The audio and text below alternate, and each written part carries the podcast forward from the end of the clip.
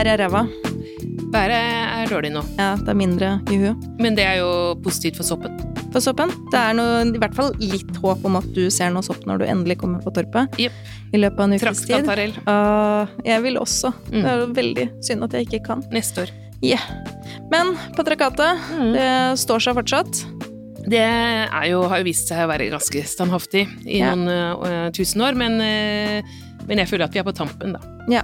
Og så var det jo i hvert fall litt ansats til å rive ned faenskapen når vi var i Stavanger i forrige uke. Ja, det var forrige gang vi så hverandre. Det Ja. var jo kjempegøy. Det var det. Fullsatt sal og veldig kule gjester. Og dette har vi på opptak, ikke sant, så at lyttere kan få høre. Ja, så da blir det en samtale med Nina Brochmann og Nancy Hertz Ja. live etter hvert. Vi gleder oss til det. Eh, men nå, da? Eh, ja hva, hva, hva, hva, hva mener du? Ja, nå var jeg Skal jeg- skal jeg Hvor var det noe? vi skulle nå? ja. Men eh, jo, vi hadde tenkt å snakke om uh, Sissy Wallin. Vi hadde tenkt å snakke om For vi Sissy Wallin. følger jo henne, det er liksom det som er greia. At eh, vi har noen sånne temaer. Det er liksom abort, Marie Takvam og Sissy Wallin. Og klitoris. Og klitoris. Ja. Der følger vi liksom utviklingen. Og eh, det var, har skjedd en del på, med, med Sissy i det siste, fordi hun eh, er, det rettssak Eller hun blir trua med Altså, hun er jo Hun må jo i retten. Ja. Eh, For den svenske justitiekansleren har jo da tiltalt henne for fortal. Eh, Og det er jo noe som da det offentlige, det er akkurat som statsadvokaten, Mm. som da går til søksmål mot uh, en person for å ha brutt loven. For å ha skrevet om eh, en, en voldtekt i en bok, da. Men, men, Uten saken, å nevne navn. Uten å nevne navn. Men dette bør vi jo ikke Altså, jeg tror litt, veldig mange av lytterne har fulgt det, men hva var det som hadde skjedd akkurat nå?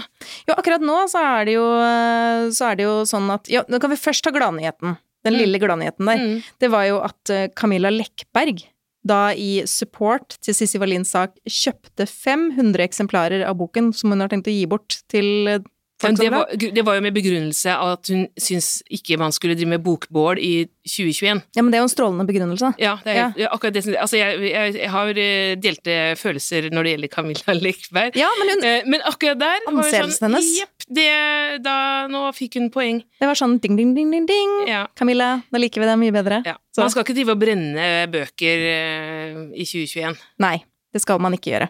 Men så er jo også Sissy Wallin eh, aktuell fordi at hun og Maria Sveland, eh, som også er en annen profilert eh, feminist i Sverige Maria, Maria Sveland har jeg fulgt i mange år.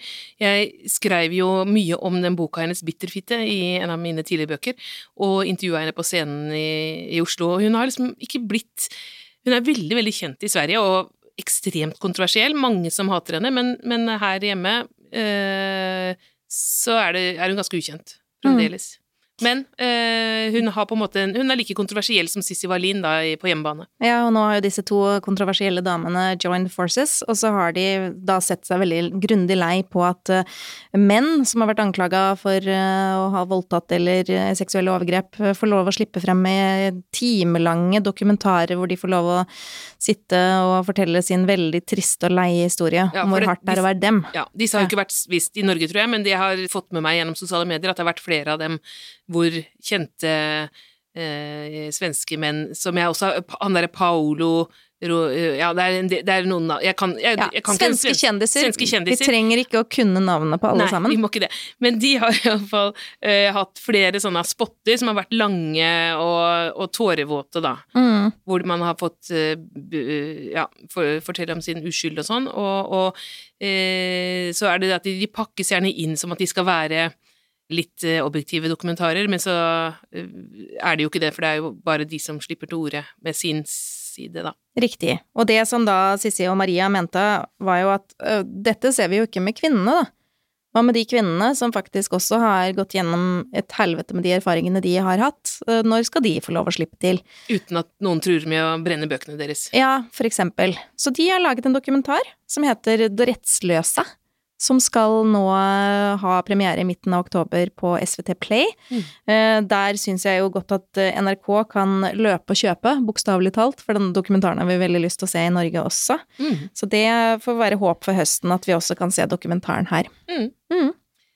Men um, en annen ting uh, som jeg har gjort siden sist um, I tillegg til å være i Stavanger, så har jeg vært på Ås.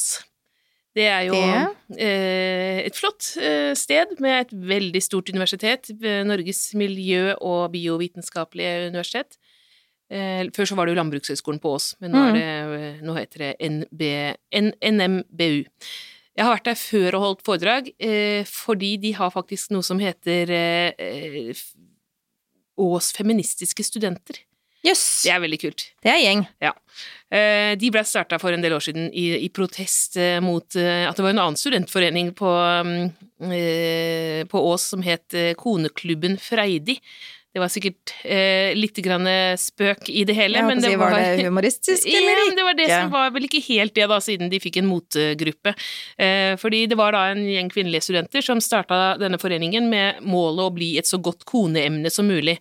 Så det var jo selvfølgelig en, noe ironi der, men det var, jo, det var jo dette de dreiv med, da. Det var jo en opptaksprøve som gikk ut på å lage en tradisjonell trerettersmiddag. Og hvis den ble godkjent, så fikk disse ferskingene da utdelt hvert sin sånn rosa stoffbit eh, under en eh, høytidelig seremoni, som de da kunne sy sitt eget forkle av. Så det var veldig sånn Stepford Wife. Rosa forkle. Ja. ja. Så, og dette her er jo noen år siden, altså i 2013, og dette var jo samtidig med hele den derre cupcake-bølgen og husmorbloggebølgen og alt det der. Så mm. det var jo på en måte i den Mad Men-euforien, da. Så ja, de eksisterer antageligvis ikke eh, fremdeles, jeg tror ikke de gjør det. Så, men, men det var på en måte en sånn Da var det jo fordi det er en teknisk, altså masse tekniske linjer her, eh, og vitenskapelige linjer, så er det jo, det er jo kvinner i mindretall på mange av disse linjene, og det er en veldig sånn patriarkalsk forhistorie på dette feltet. Mm. Så det var vel et stort behov for For de fikk jo mye oppmerksomhet, disse her eh, koneklubben, og det eh, dobbeltsideoppslag i eh, Dagens Næringsliv og sånn. Vet du, det husker jeg. Ja, Ja. det var litt eh, Det blei jo litt eh, rabalder rundt det, da. Og da syns jeg at feministklubben kan få et like stort oppslag Ja, nå. det burde de få. Ja. Så um, jeg holdt jo da foredrag for eh, Det var jo både disse, men vanlige studenter òg, da, for det var jo Samfunnet som hadde invitert meg. Og så da holdt jeg det vanlige foredraget mitt, på en måte, eller jeg har liksom et basert på den nye boka, men putta inn litt om info om kvinner i teknologi og vitenskap, for det passa jo der, da. Mm. Jeg snakker jo vanligvis mye om kvinnelige kunstnere. Eh, Ja, det er ikke så mye teknologi og vitenskap vanligvis, men da får du gjort litt ny research, da. Ja, det var det jeg gjorde, ikke sant? Ja. Eh, Realfagskvinner. Um, og så er det jo sånn, eh, som jeg fant ut ganske fort når jeg begynte å jobbe med dette, at det, det er noen få kvinner som går igjen, da, veldig, når man skal fortelle disse historiene, særlig i sånn uh, ukeblader og sånn, så er det, uh, tar man jo de mest glamorøse og spennende sånn sett historiene, og da er det hun som heter Ada Lovelace som ofte blir trukket fram. Hun blir ansett for å være verdens første dataprogrammerer Mm. uh, født i 1815, så det er jo litt spesielt lenge før datamaskinen ble oppfunnet. Britisk grevinne, hun var dattera til poeten lord Byron. Mhm. Ikke at hun noen gang møtte han, for han spredde seg eh, He was around. Ja. Ja. Men eh, ja, i motsetning til jenter flest på den tida, så fikk hun utdanning. Lang, grundig utdanning i matematikk og metafysikk, blant annet. Eh, og så begynte hun å samarbeide med noen vitenskapsfolk eh, som hadde lagt en plan for en datamaskin i framtiden. Eh, Dette var liksom en analytisk maskin som kunne gjøre litt mer enn å bare regne ut matematiske stykker, for det var det man hadde til da. Bare sånn mulighet til å regne et mattestykke, det var det maskiner for. Men så øh, begynte hun da å beskrive hva denne maskinen kunne inneholde, da, av øh, analytiske øh, algoritmer, eller bli, det blir liksom sett på som den første Mm. algoritmebeskrivelsen. Det er jo litt på samme måte som eh, Leonardo Vinci lagde sånn liksom den første det første helikopteret. Ja, Det er jo fordi at han var den første som faktisk tenkte tanken at det gikk an. Å spinne Ja. lufta rundt på den. Og det er jo måten. egentlig det programmering også er. Det er jo uh, mm. Bare en idé at det går an å mate datamaskiner med noen koder som gjør at den kan utføre analytiske beregninger, liksom. mm. Så det var, eh, det var eh, Ada Lovelace, eh, som da har fått mye oppmerksomhet, det har hun. Og det samme har eh, Hedy Lamar. Hun kommer alltid opp på sånne bilder når man skal liksom gjøre, vise en overraskende kvinne i teknologien, fordi hun var jo da østerrikskfødt eh, og amerikansk skuespiller opprinnelig. Eh, altså, hun jobb, var filmskuespiller, veldig populær på 40-tallet. Ser også helt sånn ut, Smashing. smashing ut. Eh, faktisk så var hun eh, den første, som, eh, første i filmhistorien som var naken i en, en filmscene som ikke var porno, da fantes jo på den tida òg. Men altså, da var hun bare 18 år, og det var en tysk undergrunnsfilm da, som kom ut i 1933, og som selvfølgelig møtte sensuren i ja, USA. Tilfeldig at det var på 30-tallet og Ja. i Tyskland, ikke. ikke. Nei. Nei, hun, eh, hun var veldig eh, opptatt av i kampen mot eh, nazistene. Det eh, dreiv henne gjennom eh, 30- og 40-tallet, Mm. eh, i tillegg til karrieren som eh, stjerne. Og eh, så fant hun da eh, hun, hun fant jo et miljø som var engasjert med i sånn militære teknologiske problemer, eh, og deltok i denne samtalen og debatten. Eh, fant på, sammen med en annen person, som var eh, komponist, egentlig, avantgarde-komponist, så fant hun på en teknikk som kalles frekvenshopp, eller frekvensspring. Og det var jo da meningen da, eller de ble brukt til å fjernstyre torpedoer og ubåter, egentlig. Eller det som var meningen, var at det, denne teknologien hennes skulle sende ut forstyrrende koder som gjorde at de fjernstyrte bombene til tyskerne ikke ville treffe de allierte skipene. Mm. Så det var bare det som var poenget. Eh, men den, det blei avvist, dette, og, og teknologien blei ikke tatt i bruk under andre verdenskrig sånn som hun håpa. Eh, etter krigen så gikk det veldig dårlig med henne, både privatliv og karrieren. Hun valgte feil filmer og feil menn. Eh, og blei glemt og ensom, og så blei til og med de tre ungene hennes eh, bortadoptert. Så det var tragiske saker. herregud, ja. Men på sine eldre dager så eh, fikk hun revansj, fordi eh, da fant man ut at denne frekvensteknologien eh, kunne brukes i mobiltelefoni. Mhm. I 1998 så var det et kanadisk telekommunikasjonsselskap som kjøpte patentet hennes, og da fikk hun leve, det var dessverre bare to år da, for hun døde i 2000, men i to år fikk hun leve i velstand, Sus økonomisk velstand, sus, dus og med respekt og anerkjennelse. Så akkurat bare det at hun faktisk fikk det med seg, Mm. er jo i seg selv ganske For det er veldig mange av disse historiene, så er det 100 år etter så kommer oppreisningen. Det er for Ja. seint. Mhm. Men her var det akkurat i tide. Ja, men det er godt. Tross Den- alt. den- Tross alt tragedie. Ja, ikke sant. Den tredje av disse damene som er hyppigst Dette er min sånn eh, eh, Basert på min research, er det Sånn de- topp tre? Ja, så er det disse tre som blir eh, oftest nevnt, da. Eh, så er det selvfølgelig Marie Curie, da. Mhm. Marie Curie, første kvinnen som vant nobelpris, og første eh, til å vinne i to ulike kategorier, Mhm. fysikk og kjemi. Det kom en, en spillefilm om henne for et par år siden. Radioactive, har du hørt om den? Jeg har hørt den, jeg har faktisk ikke sett den. Nei, jeg har er- bare lest mye om henne. Det er nesten ingen som har sett den filmen, for at den blei Men var det måte- kinofilm, eller Ja. var det for strømmetjenesten, Det eller var, det var kinofilm, men den blei hindra av uh, det viruset vi ikke nevner ved navn i denne Ah, podden. Voldemort, ja. Ja, så dermed så har den ligget på vent. Så det er, uh, det er liksom nå den egentlig Den relanseres litt, den er ny på nytt. Og det er jo uh, hovedperson... eller, Altså hun som spiller Marie Curie, er eh, Rosamund Pike. Mm. Hun som spilte i Gone Girl, veldig kul dame. Og eh, den som har regissert den, er selveste Marianne Satrapi. Ok. Tegneserieskaperen som har lagd Persepolis, som jeg digger. Mhm. Så eh, jeg tenker det kan jo ikke være dårlig. Nei, det kan det jo ikke være. Så nå må vi egentlig bare finne ut hvor eh, dukker den opp, og Ja. går, den, går den på kino? den, kan, Kommer den jeg, tror, på jeg, kino? jeg tror den kommer til å strømme, jeg tror det blir på TV, en eller annen strømmekanal. Ja, med en gang vi plukker opp hvor den er hen, så skal vi nå sørge for å nevne det Ja. her. Men jeg er inne på Marie Curie, så må vi jo ikke glemme hennes norske ekvivalent og samarbeidspartner. Og da vet du hvem jeg mener? Absolutt ikke. Nei. Nei. Det er nesten ingen som vet, fordi hun er jo ganske ukjent i Norge, og det er grunnen til at et eh, prosjekt i Kristiansand som ja, eh, har- starta for å løfte fram eh, en del sånne kvinner som henne, det kaller seg for Gleditsch-prosjektet. Mhm. Eh, de jobber liksom for å få ja, nye gatenavn og sånt i, på Sørlandet, og jeg har tatt navnet sitt da fra Ellen Gleditsch, som er dama jeg snakker om, eh, kom fra Mandal.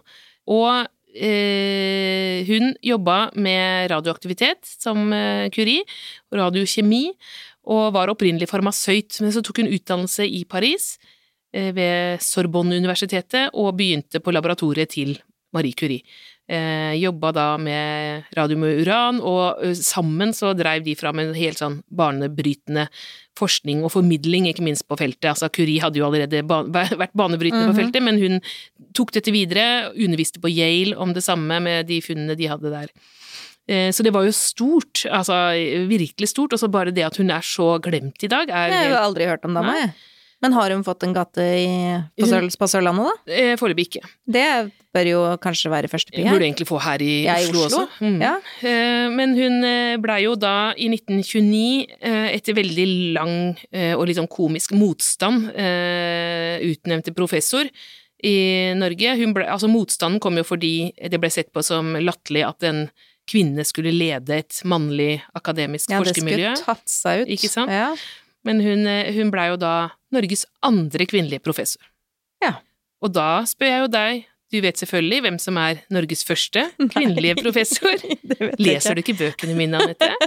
jo, jeg gjør det, men det er veldig mange navn i de. ja. Fortell, hvem hvem er det? Ja, Kristine eh, Bonnevie. Ja, selvfølgelig. Ja. Hun mm. var med i 60 damer du skulle ha møtt. Mm. Så jeg har, jeg har liksom lagd seks, eller jeg og Jenny Jordal har lagd seks tegneserieruter om henne.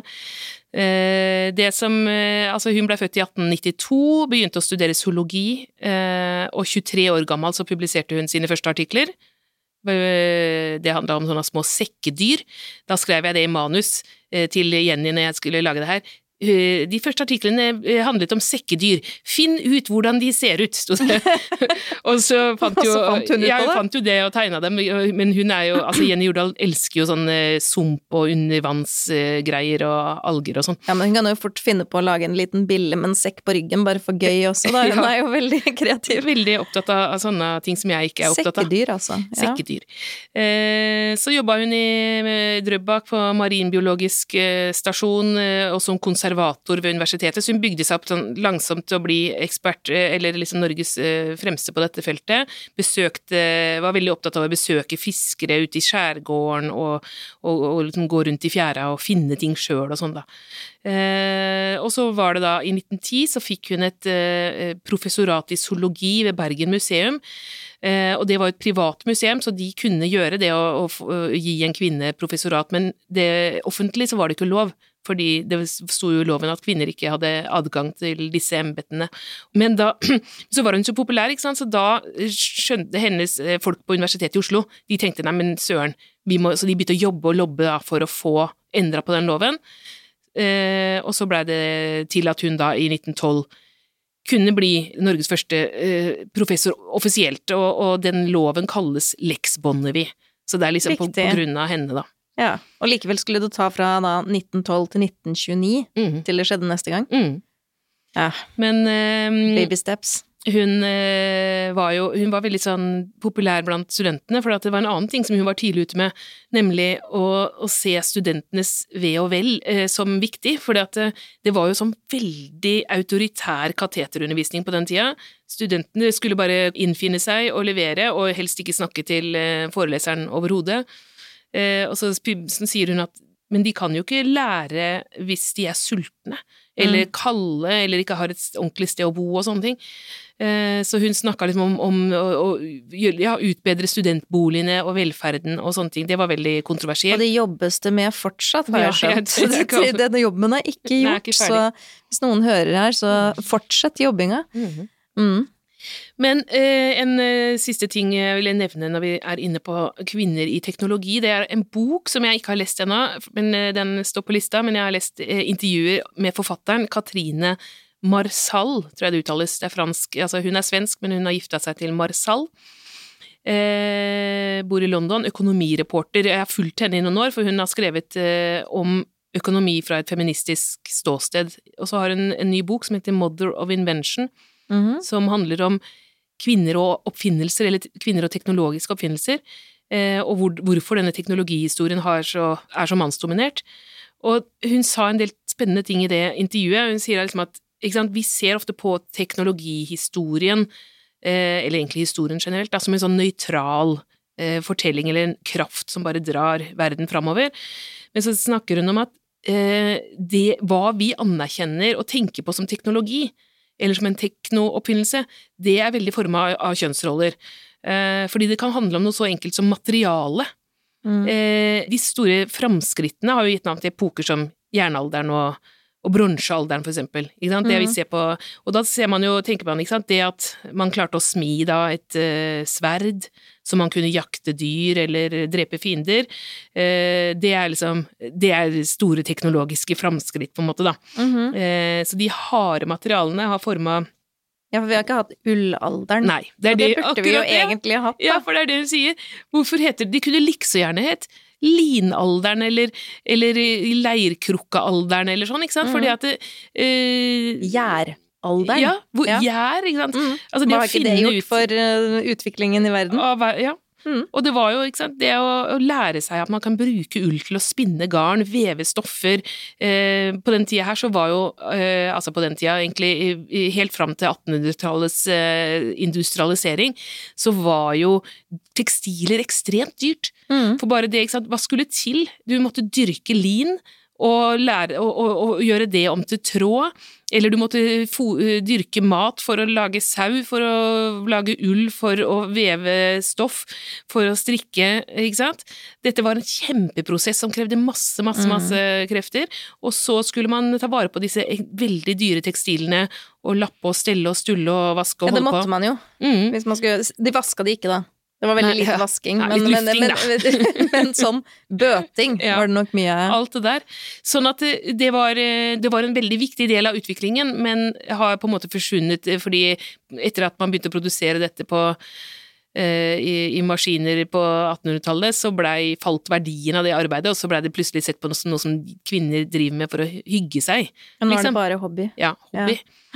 Så det, dette eh, er no, bare en del av det hun snakker om, som jeg bare syns bare var veldig interessant. Ja, så den må vi absolutt uh, kikke nærmere på når anledning gir seg. Litt kjedelig at hun tok navnet til mannen sin, da. Tja, skjer de, skjer de beste, vil jeg si da. Ja, ja, det er sant, det. Glemte, glemte deg. Men du hadde lyst til å snakke om Kina. Hva Ja. var det? Du, har du fått med deg liksom eh, han derre eh, Xi Jinping? Eh, altså, er det sjefen i ja, Kina du tenker på? ja, sjefen. ja, ja. han har jo vært der leder i ni år eller noe sånt. Og så er det jo Det er jo ikke bra ting han har drevet med sikkert i de ni åra, men det er liksom nå så rasler det så vold... Altså, det er liksom Nå skal de forandre De fjerner eh, Det er plutselig veldig, veldig mye som er forbudt. Innenfor for eksempel underholdningsindustrien, da. Mm. Eh, og så, så slo det meg egentlig når jeg leste, jeg leste en artikkel her i, i Aftenposten om hva de driver med nå, at dette minner jo veldig om det som skjer i Ungarn og Polen også, hvor man plutselig blir eh, så mot eh, Altså egentlig en sånn LHBT-kamp, da. Eh, fordi de vil ikke ha feminine menn i offentligheten, blant annet. Ok. Um, Og maskuline kvinner? ja, nei, helst ikke det heller, sikkert, men det er liksom det, nå er det feminine menn det går hardest utover her, så det er jo på en måte LHBT-motstand, selvfølgelig, men det de Men er det ikke sånn også at Kina har en offisiell holdning som sier at det, det fins ikke homofile i Kina? Ja, det har de sikkert. Ja. Det har de vel i Russland og i mange andre land. Men altså, det er liksom, man, man sier at det, det, er, er et vestlig fenomen, eh, sier man i mange land. Men eh, i hvert fall eh, Idolkonkurranser er jo nå forbudt, eh, fordi der er det så mange femimenn. Eh, og ja, de, de har et ord for det. Niang, niang pao. Det er det de ikke liker, da. Det er, det er et nedsettende uttrykk som kan oversettes til å være femi, da, som mann. Og, så nå går de da løs på alt som er niang pao. Eh, det er mye TV og underholdning og nettgreier og reality-konkurranser. Mye av det kommer jo fra dette her eh, k-pop-greiene, eh, som er eh, kjempepopulært, eh, som sikkert har gjort femi, femi-menn, eller niang pao-menn, mer populære i Kina også. Sannsynligvis. Mm. Så det er jo De går etter det. Eh, og så står det eh, Myndighetene oppfordrer nå til boikott av underholdningsstjerner som ikke følger kommunistpartiets linje. Programmer skal fremme den korrekte verdsettelsen av skjønnhet, eh, står det. Uh, det vil si at Uten at det er sånn helt spesifisert uh... Nei, det, er at menn skal være menn, og kvinner skal være kvinner, da. Ja, riktig. Og um, vi må kontrollere det kulturelle kaoset og bygge en levende, maskulin, sterk og menneskeorientert kultur. Tja, Ja, men du vet når du kombinerer de greiene der med da ut utstrakt overvåkning av befolkningen, og hvor man etter hvert nå driver og får poeng for hvor godt man oppfører seg, og hvor, hvorvidt man lever opp til forventningene fra staten eller ikke, så er jo, så er jo dette helt klart enda et steg på eh, å, å, være enda mer totalitær, da. Mm. Og det er det som skjer. Det skjer jo liksom overalt. Jeg syns det er så skummelt. Mm. Liksom når de, disse lederne, som også i demokratiske land, plutselig nekter eh, å følge eh, Altså, de nekter å flytte på seg, da. Sånn at da truer de med å kuppe, sånn som Bolsonaro gjør nå også. Mm og Orban, altså liksom, og, og, den endringen som Putin har gjort også med sant, de, de, Ja, bare endre reglene underveis. Underveis, for ja. å liksom Nei, det er så, så altså, Alt som er av demokratiske spilleregler, er jo bare tråkka over. Men du, ja. apropos det her med kvinner skal være kvinner og menn skal være menn. Eh, jeg tok motepolitiet til Jan Thomas. Har du vært i Se og Hør nå igjen? Ja, ja, jeg leser, leser Se og Hør, vet du. Og her er det da eh, Han kaster jo terning på kjendisdamer, og her er det Sigourney Weaver hun er 71, se på henne. Hun eh, Går ikke an å si noe negativt om det der. Nei, jeg syns hun tar seg godt ut. Hvis jeg ser sånn ut når jeg blir 71, så skal jeg være godt fornøyd. Ja, det ja. Jeg tror ikke det er noen fare. Eh, Takk! sorry. men, men, altså, hun eh, har da på seg en eh, lekker eh, svart dress, og det, sånn, det første jeg så det bildet, tenkte jeg å, den har jeg lyst på. Sånn jeg lyst til, det er sånn jeg har lyst til å være på rødløperen. Men eh, Eller ikke at jeg går på den rødløperen, men hvis jeg hadde blitt invitert Hint, hint! ja. Men så skriver uh, Jan Thomas um, uh, Dette antrekket har noen veldig gode elementer, men dessverre blir helhetsinntrykket altfor maskulint på deg. Uh, buksene skulle vært ankelkorte, og du skulle ha gått i høye hæler. Du må passe deg så du ikke blir for mandig. Nei, det skulle tatt seg ut Sigourney. Altså, er det mulig å skrive noe sånt i 2021 når Dette her er jo liksom Kina-politikk. Pass deg så ikke du går utover kjønnsrollene nå, du må være feminin. Ja, ja, ja. Må ha høye hæler. Høye hæler og riktig snitt på buksa di, sånn at du ikke ser ut som en mann. Nei, fytti katta. Eh, ja, vi må sende han Ja, eh, Jan Thomas, tar du meldinga? Jeg tror han hører på. Ja. ja. Men sånn på tall om uh, kvinner og menn og forskjellsbehandling ja. ja. Så viser det seg, Fikk du med deg den saken som var uh, på NRK? Mm, om forskjellsbehandlinger av uh, Ja, hvilken av de? Ja. ja. det er jo alltid noe forskjellsbehandling. Men hvor mennesker med funksjonsutfordringer rett og slett blir forskjellsbehandla etter kjønn på hvor mye assistanse de får altså det var, jeg syns det var så utrolig trist å lese, for det var så voldsomme forskjeller. Mm -hmm. Altså, det er alltid litt, som du sier, litt forskjell her og der, men her var det sånn Hvis du trenger eh, brukerstyrt personlig assistanse, da, noen mm. som kommer hjem til deg og hjelper deg med dagligdagse ting, så får eh, menn 10,8, altså nesten 11 timer nesten, mer i uka det er veldig mye mer hjelp. Ja, det er det. Og så var det da et intervju med en dame her som liksom fikk kjempelite. Det er nesten en og en halv uh, dagsarbeid ja. ekstra. Og det var jo da så, uh, Det var en, en, dame som fortalte liksom at hun hadde jo søkt og klaga og prøvd å, få noe mer, da, men, men uh, man får på en måte en forventning Det var det liksom, som står i den artikkelen her, så er det intervju med en eh, organisasjon som jobber med det her, Uloba. Mm. Eh, jobber for at eh, mennesker med funksjonsnedsettelser skal få flere muligheter, da. Og de sier at de tror, og det trodde hun som ble intervjua også, at det handler om at man forventer rett og slett litt mer av kvinner, da. Forventer at de klarer seg sjøl. Og at de kan vaske og rydde og ordne selv, selv om mm. at de har akkurat samme funksjonsnedsettelse som den eventuelt mannen, da, som mm. får hjelp ti og en halv time mer i uka. Mm. Ja, det var, eh, det var trist. Og så, så, tenkte jeg bare faen, jeg har lest noe om det her før òg. Så søkte jeg på det, og så tenkte jeg ja, det er ikke lenge siden det kom eh, Det var i sommer, så sto det at samfunnet tar, eh, sånn generelt i verdensbasis tar mye bedre vare på eldre menn enn eldre kvinner. Det var en analyse som hadde gjort en sammenligning mellom eldre i 18 land, og der var det den typen info, da, at de får mer hjelp fra storsamfunnet. Og i Norge også så er det sånn at eh, eldre, eldre menn får mer hjemme, eh, hjemmehjelp, eh, kanskje av samme grunn, da, at man tenker at han trenger det, hjelp til mer, men, men enda verre nesten, syns jeg, hvis du har døtre, så får du mye, mer hjelp enn hvis, nei, mye mindre hjelp enn hvis du har sønner. Men tar de det inn i beregningen? Ja, Det er jo helt Eller ikke, vilt. ikke i beregninger, men i intervjuene når du Ja. skal plassere hvilke behov du har. Så, tenker, så, så blir det tatt med at eh, ja, han har jo disse døtrene som sikkert kan hjelpe til, og, og de gjør det antakeligvis fra før også, ikke sant. Så man tenker at ja, her eh, trengs det ikke så mye. Mm. Mens hvis det er sønner, så er det plutselig oi, krise, han har ingen. Så han må virkelig få hjelp. Mm. Ja. Jeg mener, eh, det Men det vi etterlyser her, er jo selvfølgelig så skal det ikke ha noe å si om du har eh, døtre eller sønner, om du skal få hjelp eller ikke. Og så må det jo finnes en måte man kan lage en jevn fordeling som blir rettferdig for folk, basert på de behovene de faktisk har. ja, Det skal jo ikke være sånn at du skal måtte argumentere at nei, jeg kan ikke vaske sjæl. Mm. Og i det tilfellet i den artikkelen så handla det om sosialt behov, da hun hadde skrevet i sin søknad at hun eh, trengte å være sosial på kvelden eh, innimellom, mens de hadde jo da liksom regna med at ja, ble, nå er det sånn at hun, hun må være hjemme etter middag, de tror liksom at hun kan bare legge seg etter middag, på en måte. Så det var, Så- trist, det var en trist sak, men uh, Veldig trist sak, men man må bare håpe at det også fører til noen endringer. Og det er jo igjen, selv om eh, SV ikke gikk i regjering, så må vi jo håpe at den nye regjeringen som kommer på plass, kanskje gjør noe med de sakene der. Mm. Det hadde jo- vært en fin fokus. Jeg har jo to døtre, så jeg kommer jo ikke til å få noe hjelp når jeg blir gammel. Og du er kvinne! For de kan to jo ikke de, kvinne og to døtre. Ja. Nei, det blir Og de, ingenting. de, kan jo, de kan jo ingenting, det vet du, mine døtre, så de kan jo ikke vaske, og ikke får jeg hjelp. Og jeg må, det er veldig bra jeg har fått han derre Dustin robotstøvsuger. Dust- ja, det er egentlig han som må bli arvingen din. Ja, det er han som kommer til å jobbe for deg når du blir eldre. Jeg skal ta godt vare på han. Pass på Dustin. Du har hørt på podkasten 'Patriarkatet faller' av og med Marta Breen og Anette Garpestad, utgitt av Agenda Magasin. Ansvarlig for lydteknikk og musikk er Margarita Krimici.